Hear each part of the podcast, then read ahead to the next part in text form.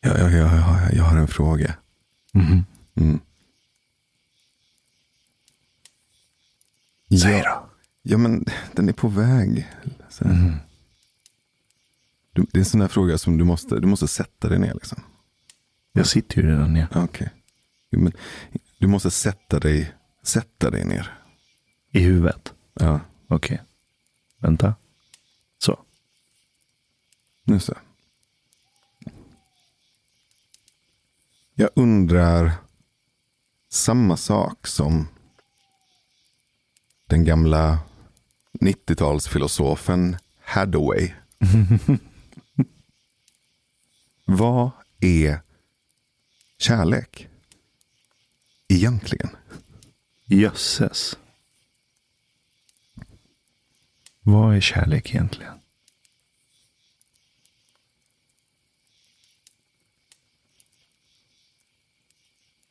Varför heter det att man faller för någon?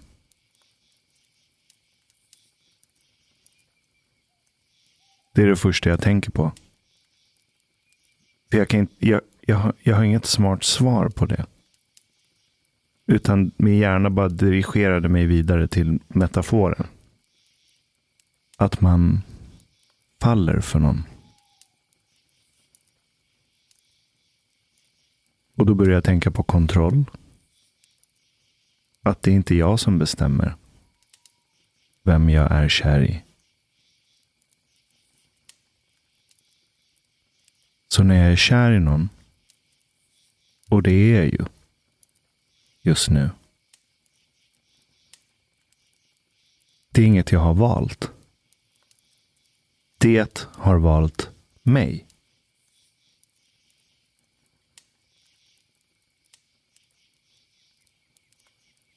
Så att vara kär i någon.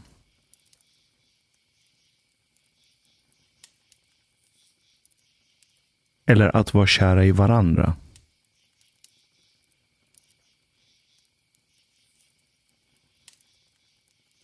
Det är två personer.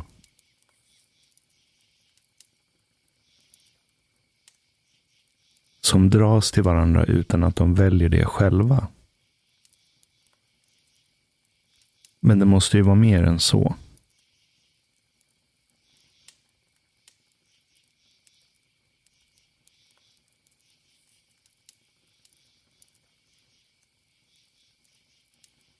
Samtidigt som jag inte väljer att vara kär, utan att det kommer till mig. Så sker det ju också en sorts radikal öppenhet. Där alla grindar och dörrar slås upp. Så att jag kan bara supa in den här personen.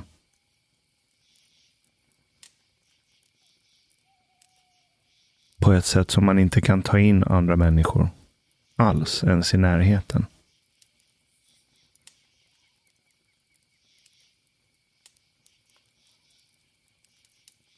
Och nu kommer det låta klyschigt, men det är som en sorts fusion mellan de två som är kära.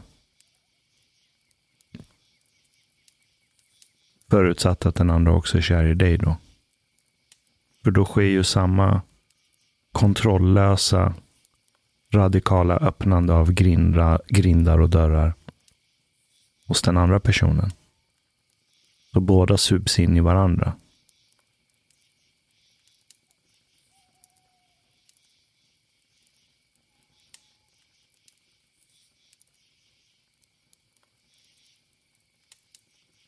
Och därav fallet, kanske.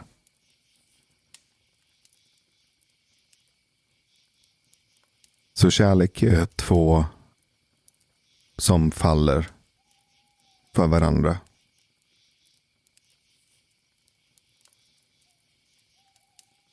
Ja, ja för, precis. För kärlek, det är ju... Det kan ju inte uppstå hos en person. Tycker jag. Utan då är det något annat. Då är det potential till kärlek.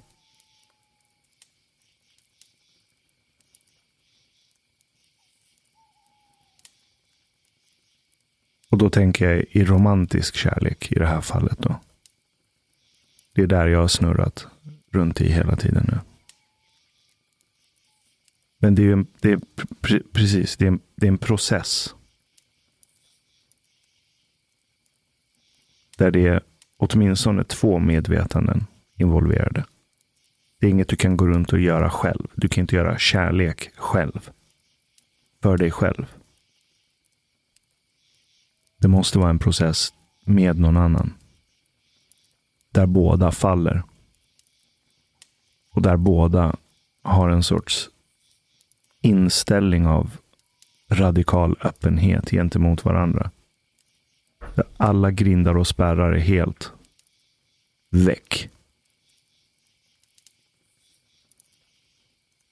Om du skulle säga någonting mer om den radikala öppenheten, om fallet. Vad är det du och den andra faller ifrån? Vad är det för grindar som öppnas upp och vad är det för spärrar som luckras upp? Vad är det som löses upp?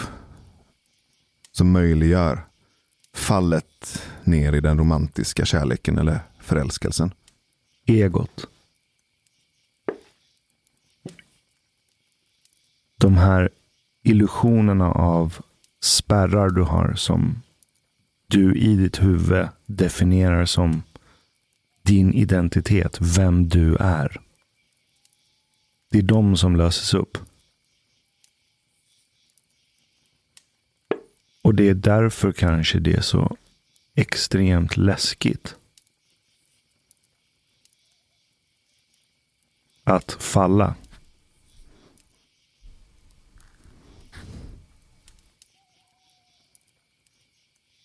Så det är illusionen av dig själv som löses upp. Eller faller. Eller vad du nu vill kalla det. Det är en tripp.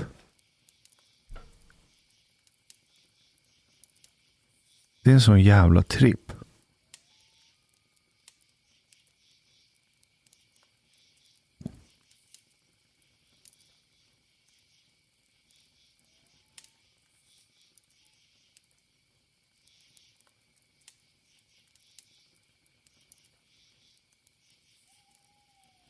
Vad finns det mer till frågan vad är kärlek än två som faller från jag, identitet och illusionen om kontroll till den andres potentiella famn som tar emot och däremellan en evighet av Ovisshet. Kaos.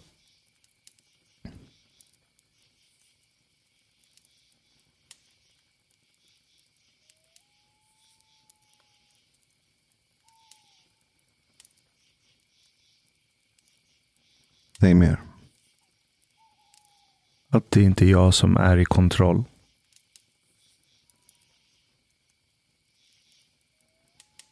För när man försöker kontrollera och tämja och stävja och styra den processen, då blir det inte bra. Vad blir det då? Det blir konflikt. Det blir dissonans. Man vet inte var man har varandra, heter det. Ibland. Hur tänker du? Dels så tänker jag att det finns någonting mer att säga om den romantiska kärleken så vi kan vara kvar lite där. Och sen så tänker jag att det finns mer att säga om kärleken, romantisk kärlek så vi kan ta oss vidare sen. Jag är nyfiken på vad som händer om den ene faller från kontroll och den andra står kvar bakom grinden. Alltså obesvarad förälskelse. Kärlek som inte tas emot. Eller kärlek som inte får uttryckas. Vad händer med den?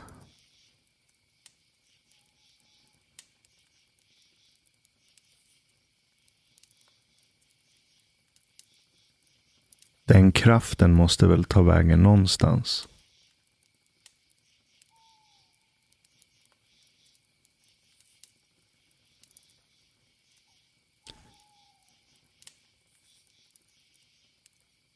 Jag tänker att det är en person som har en bukett blommor i famnen.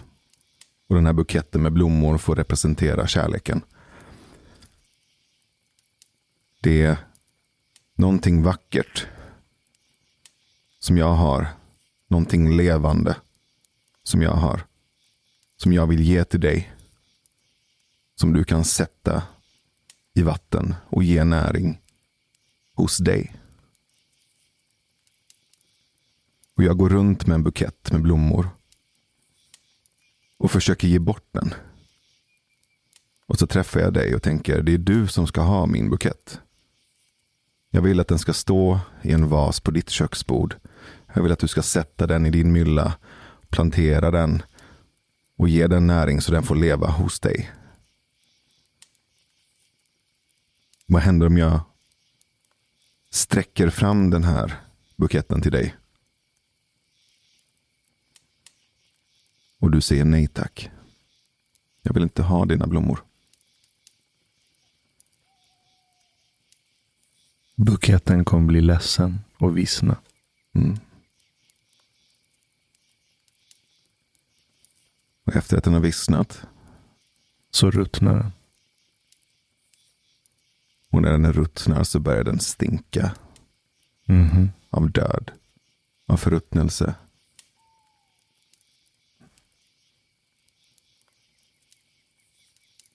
Jag tänker att det är samma sak med kärlek. Som inte tas emot, som inte kan ges bort. Och att när kärlek som inte tas emot vissnar och ruttnar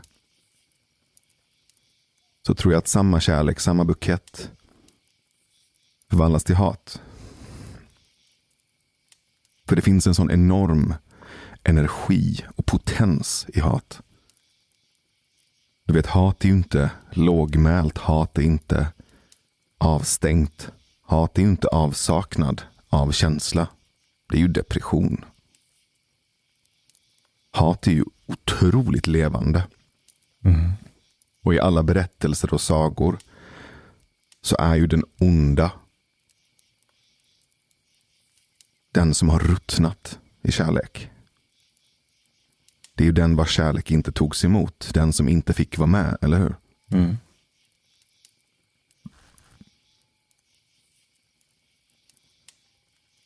Det finns ju alltid en, ett element av osynlighet. Att den personen har varit förbisedd, osedd, Mm. inte uppvaktad. Jag blev inte vald. Exakt.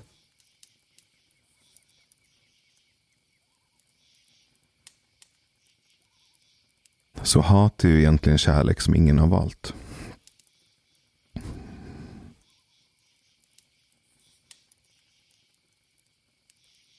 Jag tänker på när man gick på, eller när jag gick, och säg mellanstadiet.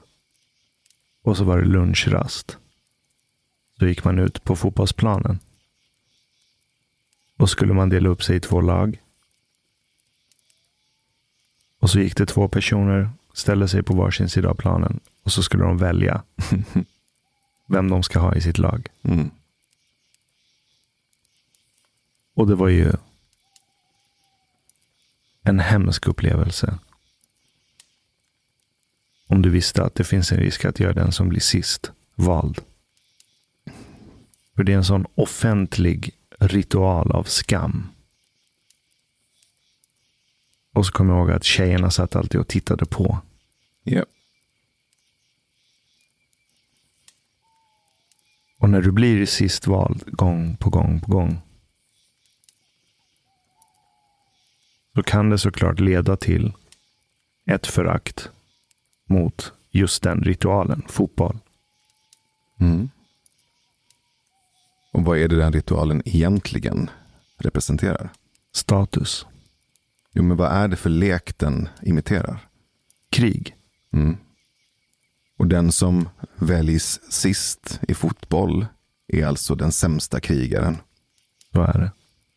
Och hon väljer ju krigaren som kan försvara, som kan stå upp, som kan skydda henne och familjen och hemmet och stammen från hoten utifrån.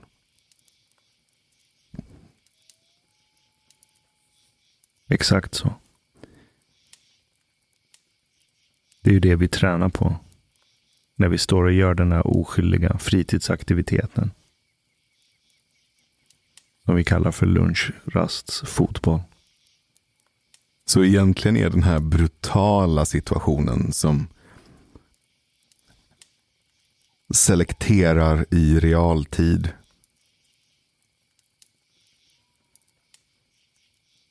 Någon slags verklighetsträning. Du blir förberedd på vuxenlivet, för det är så det ser ut, eller hur? Utan tvekan. Och det finns en intressant dynamik där för att den som blir vald först, den har ju inte vunnit. Den är inte färdig. Utan priset den får betala det är att den kommer gå runt och bära ett enormt ansvar. Yep.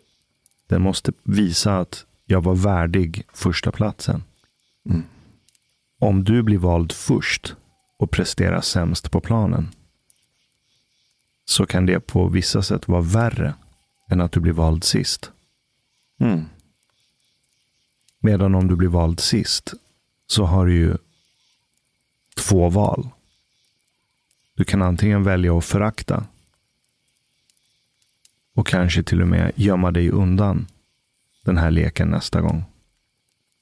Eller att du av ilska och hat väljer att sabotera för ditt lag. För att du ändå blev vald sist. Eller så kan du kultivera det hatet. Där du ser dig själv som en underdog. Och hamnar in i en tankebana där du har en sorts konstruktiv hämnd. Du vet, jag ska minsann visa dem där. Mark Zuckerberg. Yes sir.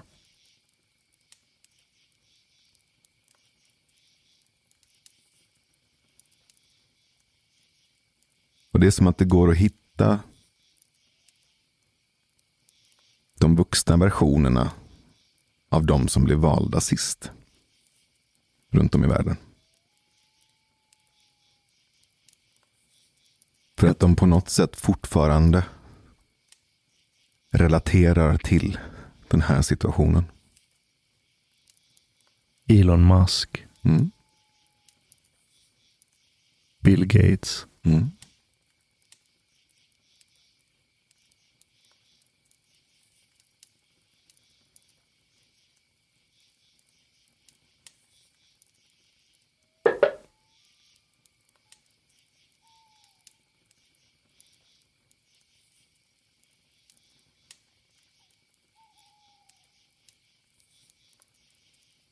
Och den där rädslan för att bli vald sist.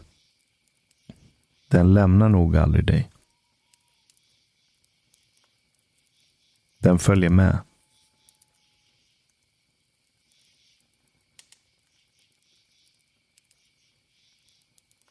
Och vad är bättre än att få positionen där det är du som väljer? Istället för att vara bland dem som kan bli valda.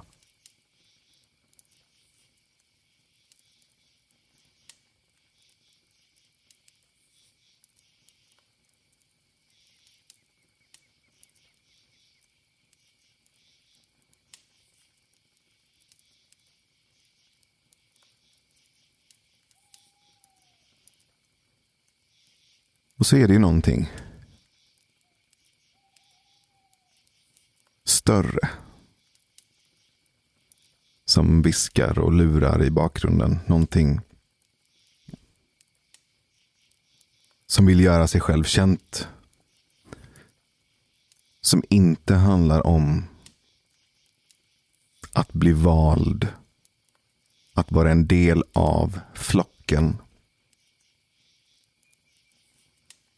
att genom den sociala gemenskapen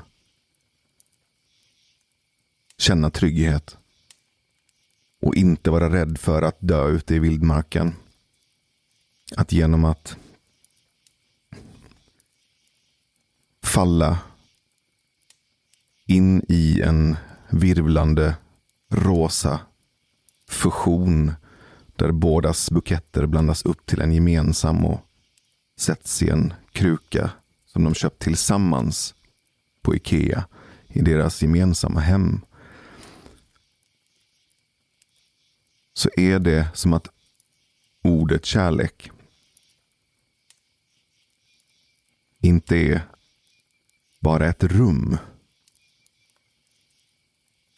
Utan en mansion, en stor herrgård med olika rum. Där ett av rummen är den romantiska kärleken.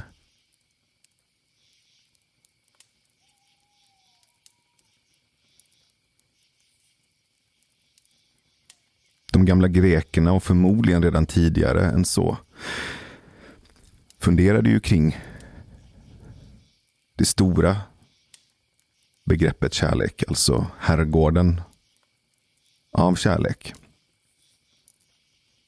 Och valde att dela upp det i sex olika rum. Mhm. Där den romantiska kärleken, Eros, var ett av sex rum. Så du har Eros, den romantiska kärleken. Den passionerade, lustfyllda, eldiga. Där du väljer en romantisk partner att falla tillsammans med. In i den här virvlande dansen tillsammans. Den upplösande fusionen. Men där buketterna virvlar runt i den romantiska elden. Och inte planteras i ett gemensamt hem för att grekerna skilde på Eros och Storge. Storge. Det är det andra rummet. Det är familjkärleken. De menade på att den du väljer Eros med inte är samma som du väljer Storge med. Den du väljer att vara passionerad och romantisk med är inte samma person som du skapar familj och trygghet med. För det är två olika saker. Storge är familjeprojektet. Den stabila partnern som du väljer att dela hem med. Det är den personen du köper vasen med som du sen väljer att bilda familj och skaffa barn och ha hus och hemprojektet. Åken, pengarna, ekonomin, stabiliteten. Så det är ett rum som är Eros, ett annat rum som är Storge.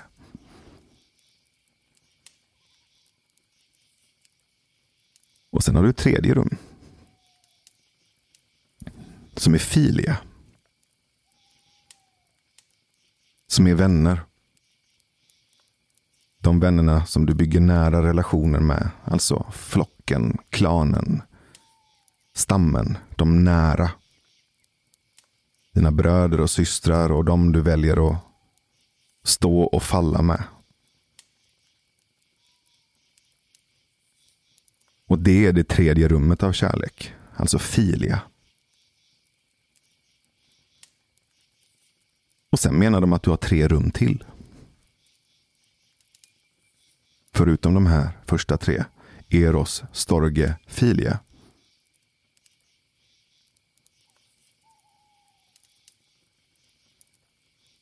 Så har du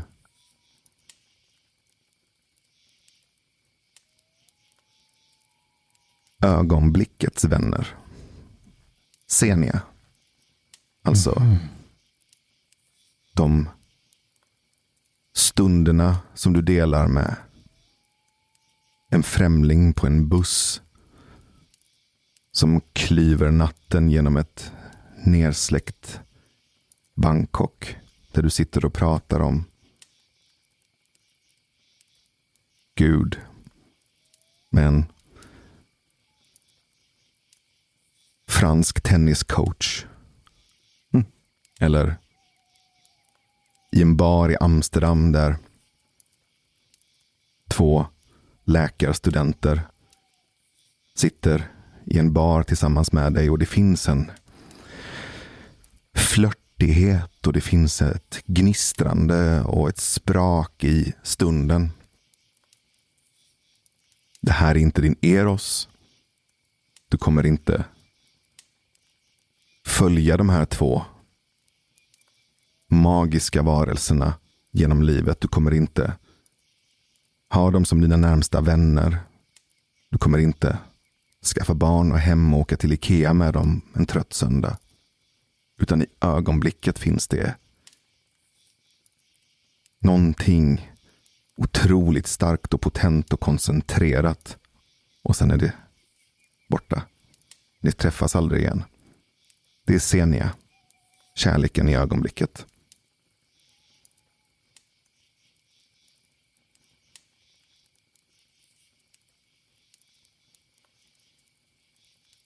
Sen har du det femte rummet.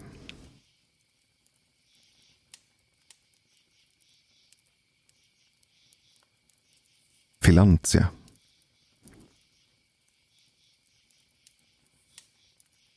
Och det är självkärlek.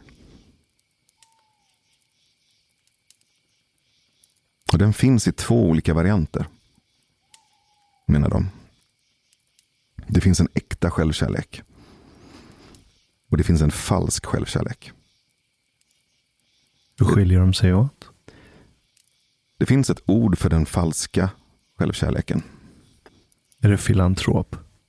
Narcissism. Så Narcissus är symbolen för den falska självkärleken. Det är den fåfänga spegelbilden. Den fixade skjortkragen, den perfekta luggen. Det botoxade ansiktet och det tixiga ögat du möter i din skärm när du tar bild på bild på bild på bild på bild på bild och aldrig blir nöjd. Det är den falska självkärleken. Och de menade att det krävs en vuxen individ att kunna skilja på falsk självkärlek och genuin självkärlek.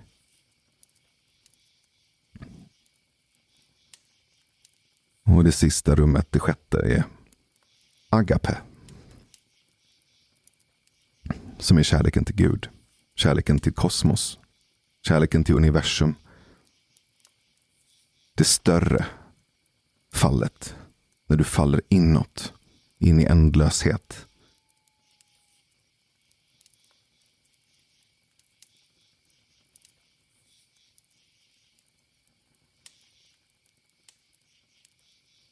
Så för att överhuvudtaget göra det möjligt för oss och för sig själva att tänka på kärlek inte bara som ett rum utan som en herrgård med sex rum och kanske fler.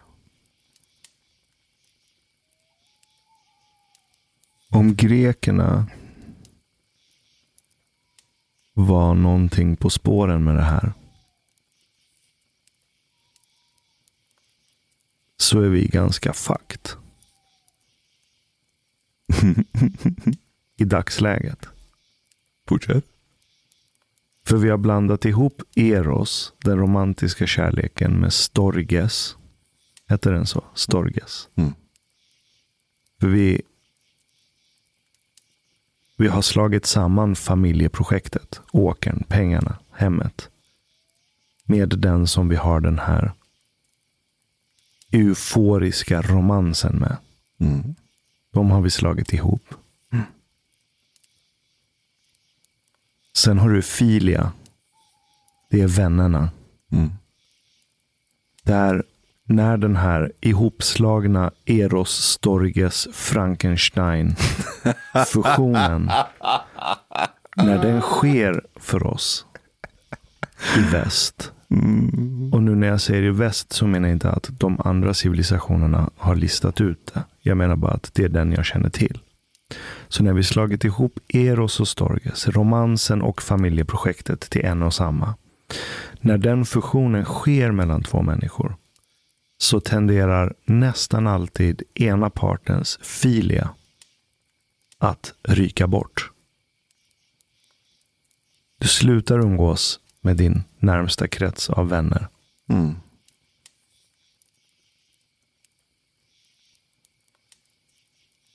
Och det var de första tre rummen som vi har förstört. Och sen kommer du till det fjärde rummet som du tog upp. Hette den Senia? Mm. Den här franska tenniscoachen. Mm. Någon regnig kväll i Bangkok. Mm. Eller de här två läkarstudenterna du stöter på på en bar i Amsterdam. Mm. Mm. Mm. Som du har den här momentana flörten med. Mhm. Som inte är sexuell utan den påminner lite mer om agape. Jo, den var sexuell också. Det kan den ju för sig vara. Mhm. Den kan anta många olika former, men den är momentan. Ja. Och det är därför du blir så... Det är därför den är så underbar. För att det är som att du undermedvetet hela tiden har koll på att det här kommer upphöra snart. Mm. Det här kommer inte vara livslångt. Det är bara här och nu det här sker. I och med att vi slår ihop romansen med familjeprojektet och på bekostnad av vår filia, vänskapskretsen, så har vi väldigt lite utrymme kvar för att stöta på den här franska tenniscoachen. Den där regniga kvällen i Bangkok. För du tar med dig romansen, familjeprojektet som du har skaffat dig på bekostnad av Filia Affiliates, dina vänner. När du åker till Bangkok. För då bor du på en turistort.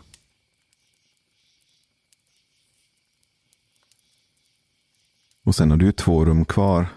Du har Filantia, självkärlek, som kan vara sann eller falsk. Och du har Agape, kärleken till Gud. Och om du tar den första med självkärlek. Så finns det ju en dragning till att den jag har gett min bukett till ska få mig att känna mig älskad i min självkärlek. Den ska bekräfta mig, den ska vara den som får mig att känna mig älskad av mig själv. Och i brist på det tomma löftet så söker jag spegelbildens bekräftelse från andra genom mina digitala eller analoga skyltfönster. Men det, men det blir ju också bara tomma kalorier. Samtidigt som vi helt har stängt dörren till det sjätte rummet. Och slängt bort nyckeln. Vadå Gud? Vadå universum? Vadå kosmos? Vi är rationella varelser. Vi behöver inte det.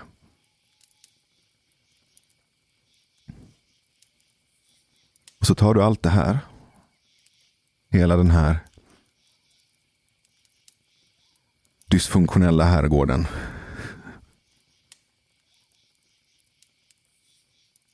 Och så tittar du på skilsmässostatistiken i Sverige och i väst. Och den här bizarra pressen vi har på varandra. Att vara allt för varandra. Att uppfylla kärlek i alla de här olika variationerna för varandra. Och svårigheten att unna varandra de andra rummen där vi inte finns. Och om det här hade varit en projektledare som skulle anställas i ett företag där du förväntar dig att den här personen ska ha sex olika roller samtidigt så hade den personen blivit utbränd efter en vecka. Mhm.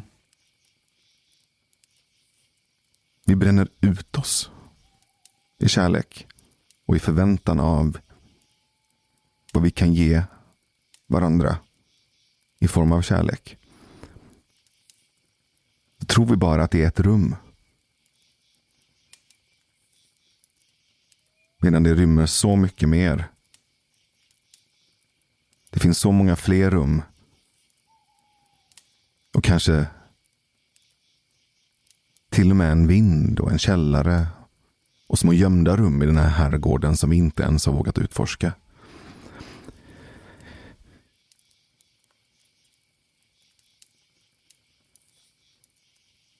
Och det är såklart du inte vill utforska något annat rum. När du utgår ifrån villfarelsen att din romantiska partner är också din projektpartner, är också din bästa vän, är också den du ska ha de här spontana, oförutsägbara momenten med. En regnig kväll i Bangkok.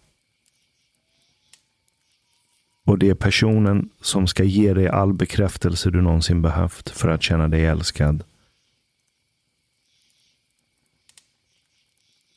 Och det är den personen som ska ersätta Gud. No pressure.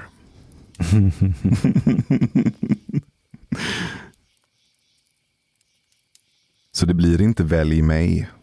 Det blir välj bara mig.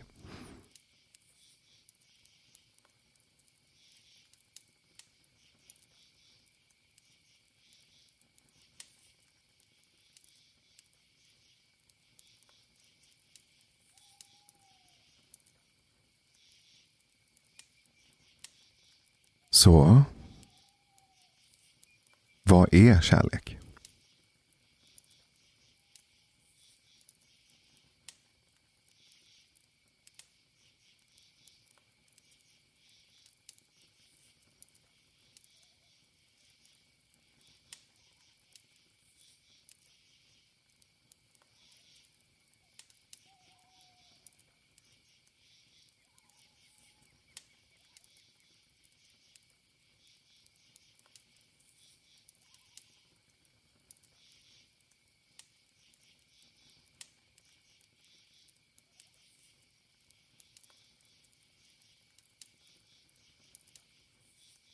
Välj mig för att jag inte bara kommer välja dig.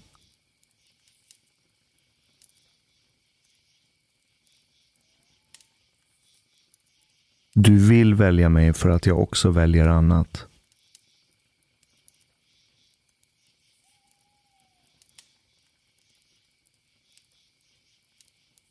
Och välj mig för att du också har valt annat. Och du vet vad du väljer mig för.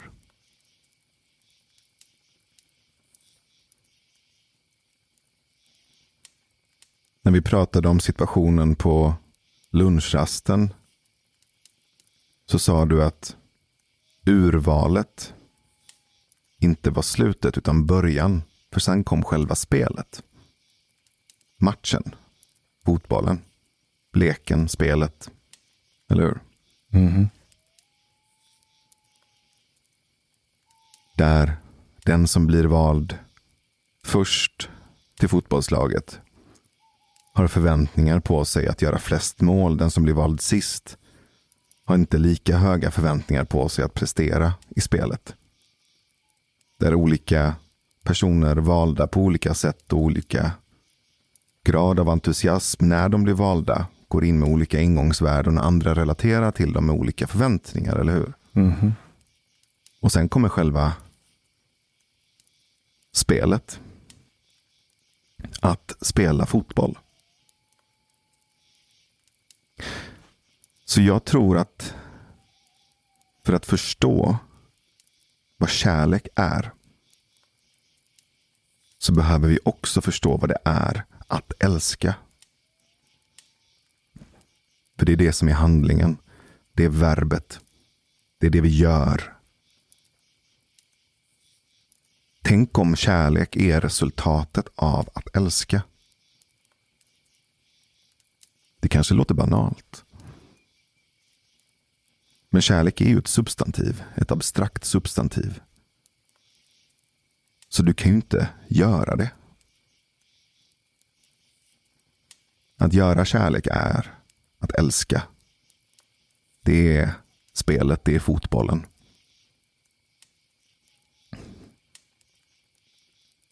Så vad är det du gör när du älskar någon? Eller när du älskar med någon? Eller när du älskar? Hur gör du när du älskar?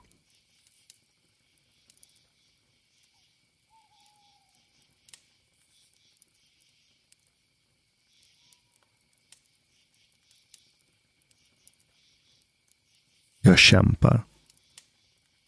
Jag ger allt.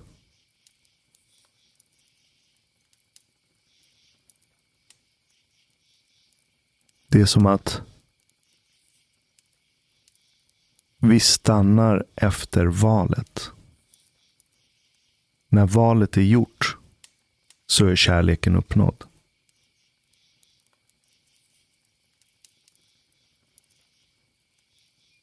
Medan i själva verket så är det ju helt tvärtom.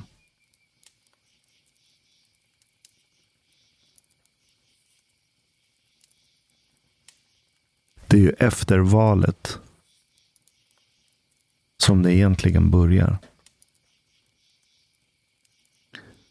Och det är någonting som egentligen aldrig tar slut.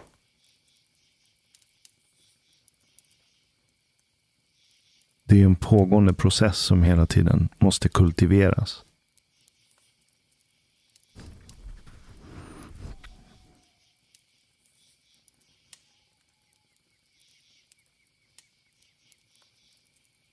För att bli vald.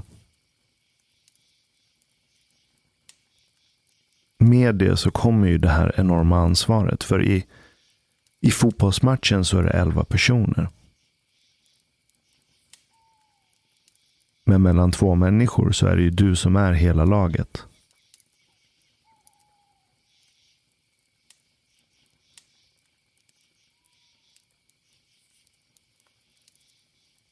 Så det är ett massivt ansvar att ha blivit vald.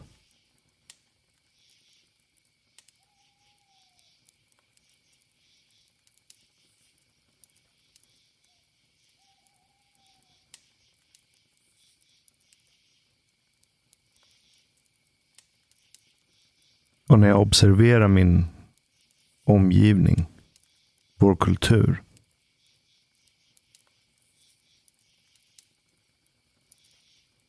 Så upptäcker jag att det är många som upplever sitt liv gå neråt. Efter att den där processen är klar. När man har hittat någon, som det heter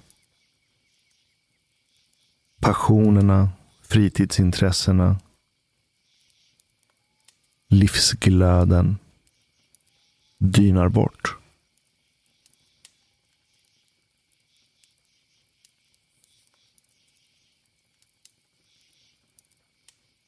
Det är oftast piken.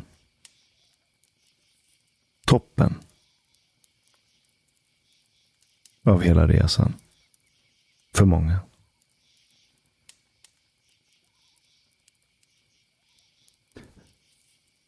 Så du väljer en person, personen väljer dig. Och sen är matchen slut. Exakt så. Så du sitter med den här personen. I en soffa som ni också köpte på Ikea. Och har slutat älska efter att ni har valt varandra. Två människor som sitter bredvid varandra i ett rum där det står en vas lite längre bort med blommor som börjar vissna. Två mänskliga varelser som sitter bredvid varandra och stirrar på en skärm. Med kärlek i famnen. Så de inte ger bort varken till varandra eller till någon annan. Två famnar fulla med kärlek som också börjar vissna. Och sen börjar ruttna.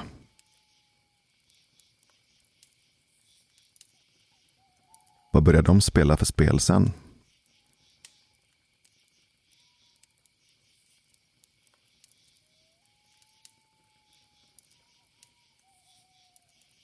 Blame game. Mhm. Jag har offrat så mycket för dig. Varför får jag inte den kärlek som jag förväntar mig att få? Du lyssnar inte. Du ser inte mig. Du förstår inte mig. Du uppskattar inte mig. Olika sätt att säga. Jag känner mig inte vald av dig. Och den andra fattar ju inte. Men jag har ju valt dig. Jag är bara i det här rummet. Jag sitter ju bara i den här soffan. Jag åker ju till Ikea med dig varenda fucking söndag. Jag har ju begränsat mig till dig i det här rummet. Jag har valt dig. För det är väl det som är att älska.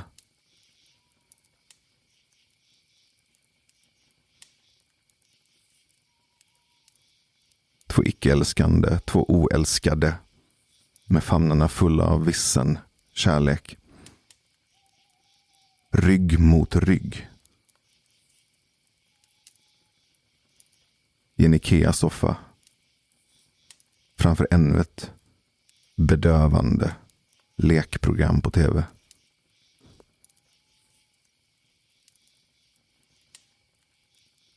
Och flödet och skärmarna fulla av illusoriska, narcissistiska exempel på andra som låtsas som att de minsann älskar och virvlar runt. Så sitter du där och bara, fan gör jag här?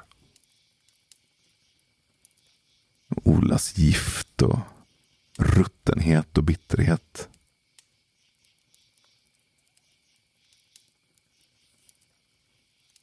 De spända käkarnas tyranni. De gnisslande tänderna i bilen på väg. Med alla andra bilar. I långa ringlande dystra köer. Till möbelvaruhuset utanför stan. Små sorgekaravaner. Och vad fan håller vi på med?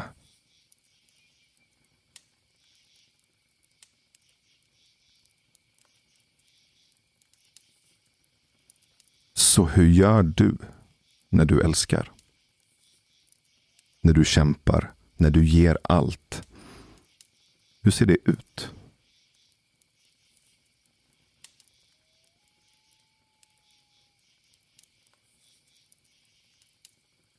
Jag har varit en av dem i sorgekaravanen.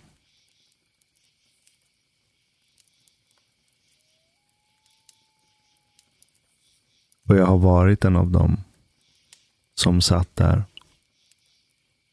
med de spända käkarnas tyranni. Och satt och gnällde för mig själv. Över att jag har ju gjort allt det man ska göra.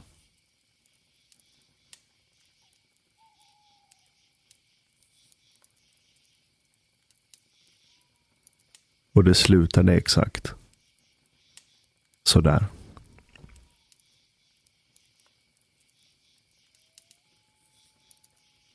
Och jag har ju inte tänkt på det då. Så länge sedan som det var. I de här termerna. Med de sex olika rummen.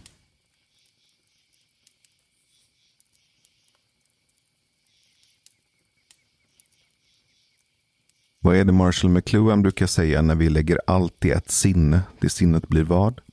Blir överhettat. Mhm. Tänk om det är samma sak med kärlek. Jag tror det var Alan Watts som började putta mig i rätt riktning. Jag kommer inte ihåg hur, eller jo, nu kommer jag faktiskt ihåg exakt hur han formulerade det.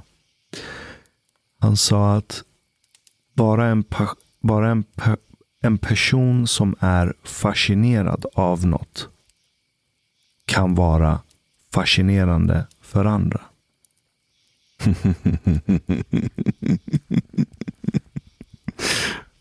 Ja, vad vackert. Och den satte sig så hårt och djupt i mig. Och jag kommer ihåg exakt var jag var. När jag fick höra det där. Jag var i tidig 20-årsålder. Och bodde i Uppsala. Pluggade där. Och det var någon långhelg där mina föräldrar skulle åka utomlands. Och då traditionsenligt så åkte jag till Stockholm. Plockade upp deras bil. En beigefärgad kombi Merca. Skjutsade dem till Arlanda och så fick jag ha bilen under tiden de var borta. Och det var då jag hade börjat snöa in mig på Alan Watts och sådana här tankegångar. Och jag var på väg med bilen en sen kväll till någon villa. Långt ute på vischan utanför Uppsala.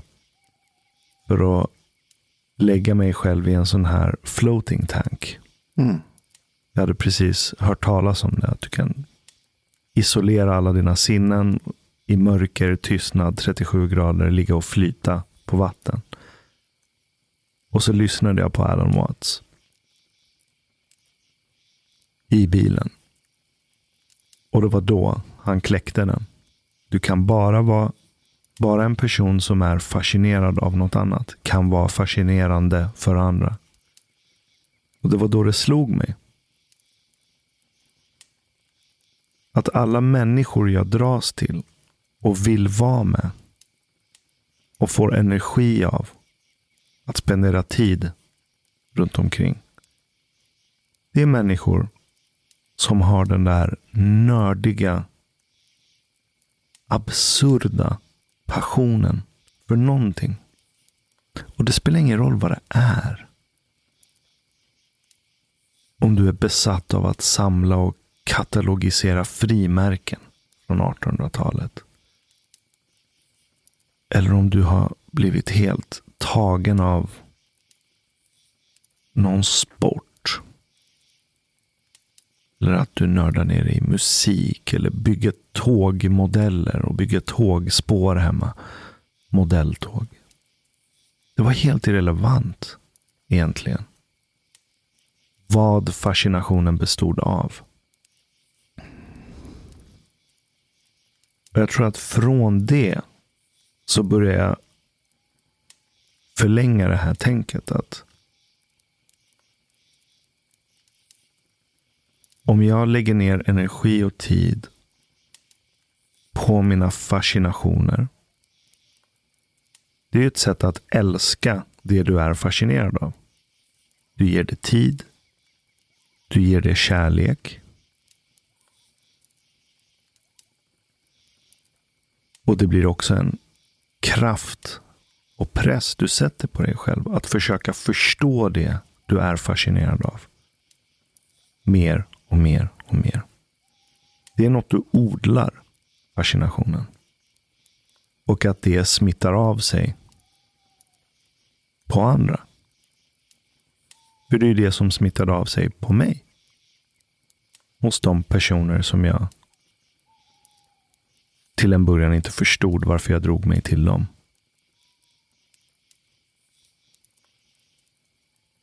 Och därifrån började jag inse att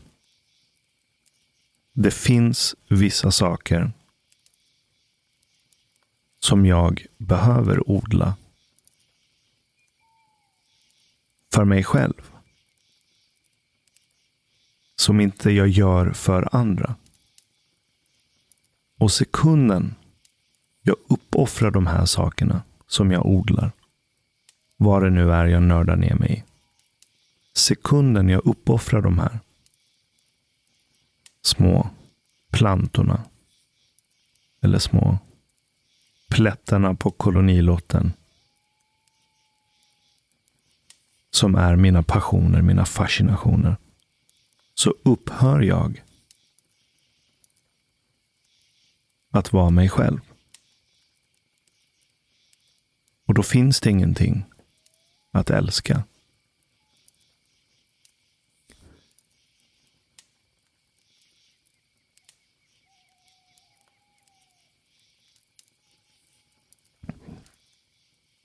Jag skulle vilja gå tillbaka till början av det du sa.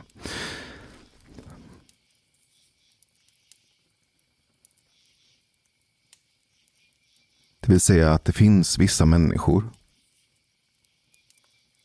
som har ett wow i blicken.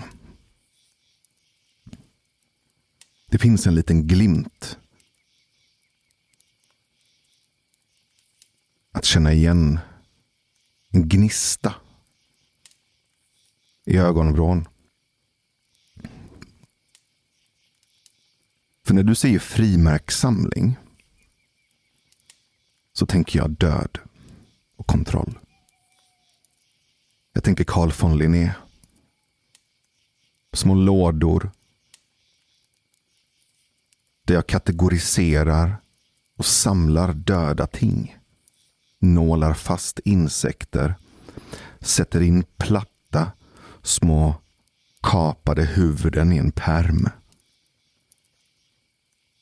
Samlar Elvis-statyer i garaget. Hårdar dagstidningar i köket. Att samla döda ting i ett bibliotek. I ett kartotek.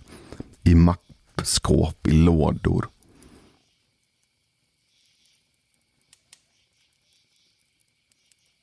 är inte samma sak som att älska. Men det finns två sådana typer. Det finns de som bara samlar. Mm.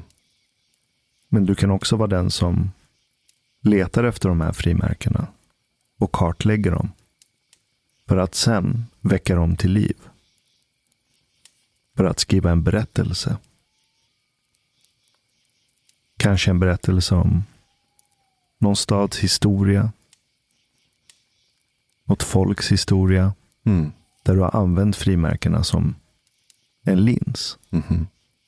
Exakt. Och så sprider du den här berättelsen. Och det är spridandet av berättelsen som skapar den här gnistan och glöden i dina ögon. Som gör att när någon annan hör dig och ser dig så tänker den Wow, Exakt. Att samla frimärkena är att välja fotbollsspelarna. Det är att välja din romantiska partner.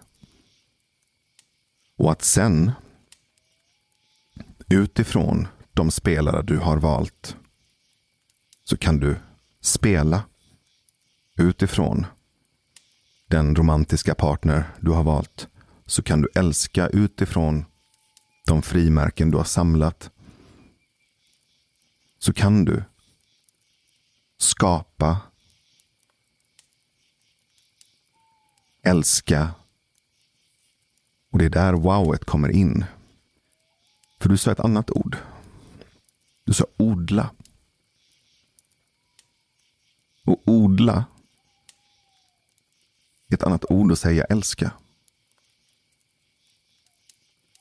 För att odla är att ge näring och sol, alltså ljus och vatten och omtanke till fröet. Så att det får växa. Att odla är en djupt kärleksfull handling. Att vara den som tar hand om det som lever. Tänk om det är det som är att älska. Att rå om det levande. Att ta hand om det som lever. Ge det näring, ljus och omtanke. Skydda det från hot och faror så att det inte blir uppätet, sårat eller dör. Det är ju både det moderliga och faderliga. Det är ju både det maskulina och det feminina. Det är både det som försörjer och beskyddar och det som håller om och ombesörjer. Och att älska som handling och som lek och spel. Tänk om det är att ta hand om det som lever. För då blir ju kreativitet också en kärleksfull handling. Mm. För kreativitet är ju att lyssna efter det som vill komma till liv. Och ta hand om det livet. Odla det oavsett om det är en symfoni eller en liten flicka som vill födas och bli människa. Eller om det är potentialen i en romantisk relation. Ett fält som skapar mellan de älskande. Ett hem som fylls av deras kärlek till varandra. Dit andra bjuds in och får vara i deras kärlek. I deras hem. I det de odlar mellan varandra.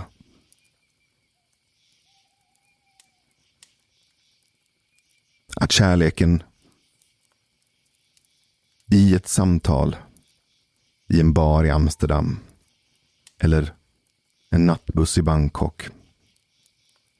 Eller en strand i Portugal. Med din ögonblickskompis är att älska det ögonblicket besinningslöst. Och se vad som vill odlas fram ur det mötet och det samtalet. Och sen ta med sporerna och fröna från det ögonblickets märkliga kärlek som ett litet slott som uppstår av sand temporärt. Men som fyller de båda med så mycket mening och så mycket kraft. Att när de kommer tillbaka till rummet med vännerna eller med familjen eller med den romantiska partnern så lyser den där gnistan i ögonen lite, lite starkare. Älskling, titta. Och jag tog med mig hem till dig.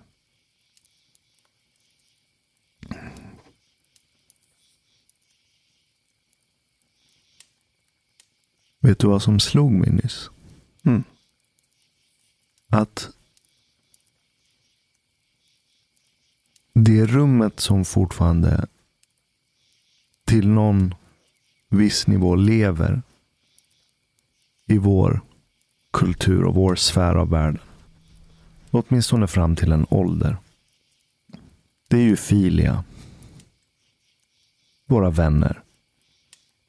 Som vi umgås med. Vår första riktiga krets som vi bildar.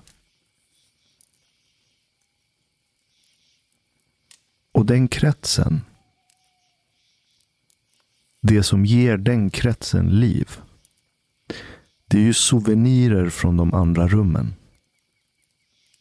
Vi sitter med vännerna och pratar om kanske den där personen vi är kära i. Och så berättar vi hur det känns när vi stöter på den personen. Eller att man kanske fått en signal av att den också är intresserad. Det är en souvenir från en potentiell ett potentiellt Eros-rum Mm. som vi tar med och delar i Filia-rummet. Vi sitter med kretsen och diskuterar Gud. Och så delar alla sina souvenirer från när de själva försökt orientera sig i rummet Agape.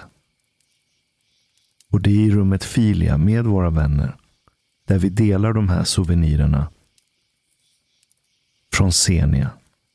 De där ögonblicksmomenten vi haft. Med någon wow-karaktär vi har stött på när vi minst anade det.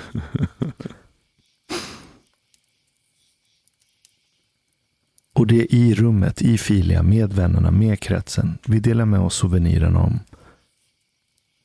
vad vi själva är duktiga på. Vad vi själva kan ge. Självkärleken. Alla de souvenirerna tar vi med oss. Så att varje rum ska kunna funka. Så måste det rummet fyllas med souvenirer från alla de andra rummen.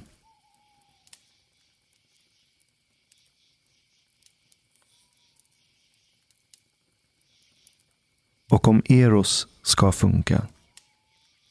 Om Eros ska vara ett rum där blommorna aldrig vissnar. Så måste ju det rummet som jag delar med min romantiska partner hela tiden näras av souvenirerna från de andra rummen.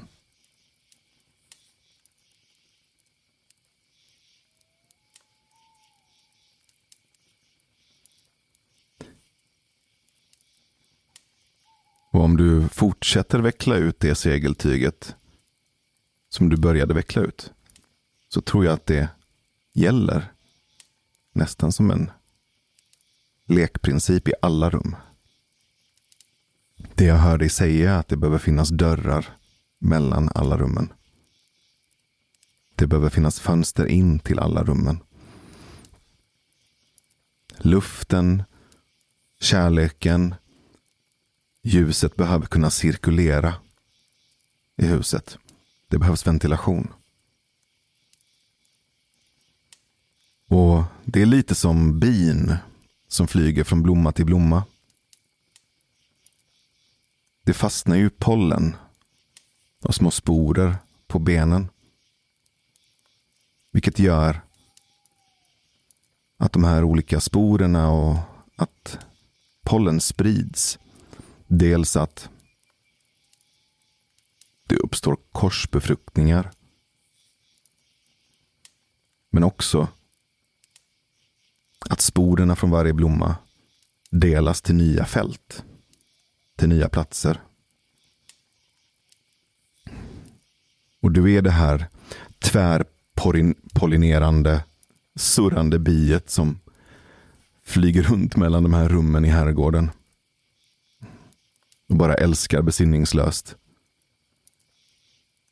Och tar med dig kärleken mellan rummen. Var ett bi. Bi är bi. vi, vi är bi. Mm. Precis.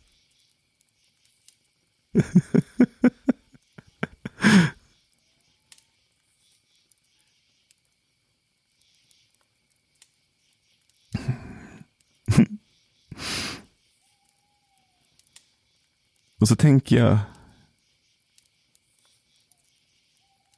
på vad som händer med den förstoppade kärleken.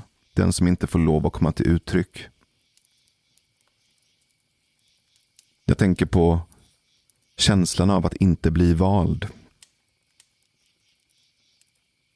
Jag tänker på Voldemort. Vargen i Bamse. Häxan i Spirited Away. Mark Zuckerberg. Donald Trump. Vladimir Putin. Mullorna i Iran. Jag tänker på vad som händer över tid. Med oss. När vi bara samlar och kontrollerar och boxar in. Jag tänker att permarna med frimärken. De här böckerna med rader av avklippta huvuden. Lådorna med döda kroppar. Som Carl von Linné samlade och kategoriserade de olika arterna i. Någon slags dödens museum. Att ibland är det så vi bygger ett samhälle. Där pärmarna med frimärken byts ut mot fängelser. Där kapade huvuden får en helt annan innebörd. Och lådorna med döda kroppar med namnetiketter på. Det kallar vi för trappuppgångar. Och lägenheter. En liten skylt på brevlådan. Det står inte på latin, men det är ett litet etikett på den döda insektskroppen. Det lilla bedövade biet som ligger bredvid ett annat bedövat bi i soffan.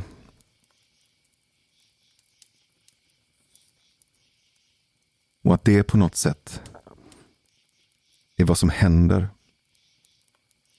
med vissen och rutten och outtryckt kärlek över tid i ett samhälle.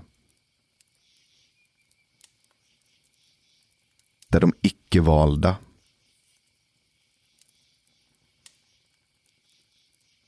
ställer sig upp och börjar peka. Ställer sig upp och börjar systematisera frimärkspärmar och insektslådor. Och stoppar in oss där.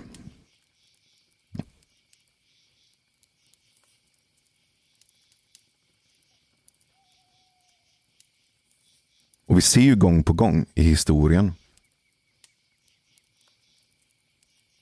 hur det försöks. Vi ser ju gång på gång i historien hur de här gigantiska frimärkspärmarna byggs upp. Hur de här kategoriseringarna och systemen och lådstaplarna byggs upp. Och sen faller de isär igen. För det är inte liv. Det är död. Du kan inte kontrollera liv. För då är det inte längre liv. För liv är det som växer när du älskar det. Och död är ju liv som har stelnat. För det har utsatts för kontroll gång på gång på gång på gång. Inget ljus. Inget wow. Ingen omsorg, ingen näring. Bara kapa, kapa, kapa.